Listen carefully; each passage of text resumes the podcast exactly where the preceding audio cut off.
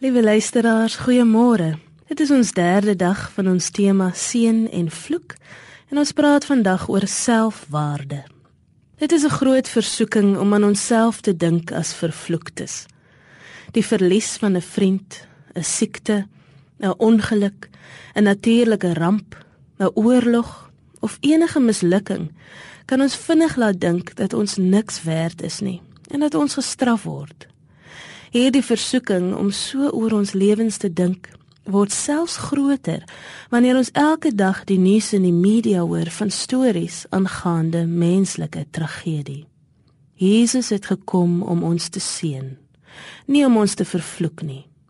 Maar ons moet kies om daardie seën te ontvang en aan ander oor te dra. Seëninge en vervloekinge word altyd voor ons geplaas. Ons is vry om te kies.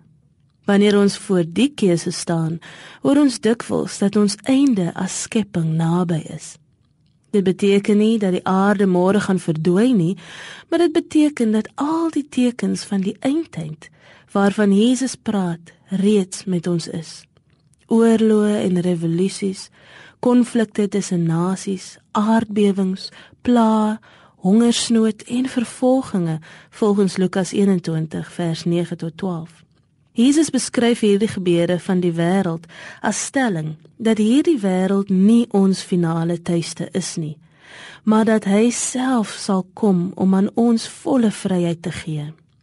Jesus sê: "Wanneer die dinge gebeur, staan op. Hou jou kop omhoog, want jou bevryding is naby." So leer Jesus ons hoe om in die huidige tyd te leef.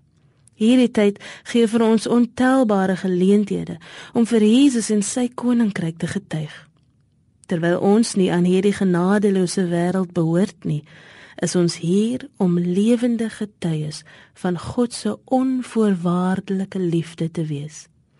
Sodat die wat deur die tragedies van die wêreld getref is, meer genade as rampe daarin sal ervaar sodat almal verby die strukture van ons tydelike bestaan kan kyk na die ewige lewe wat aan ons beloof word. Kies die seëninge en word God se seën vir ander.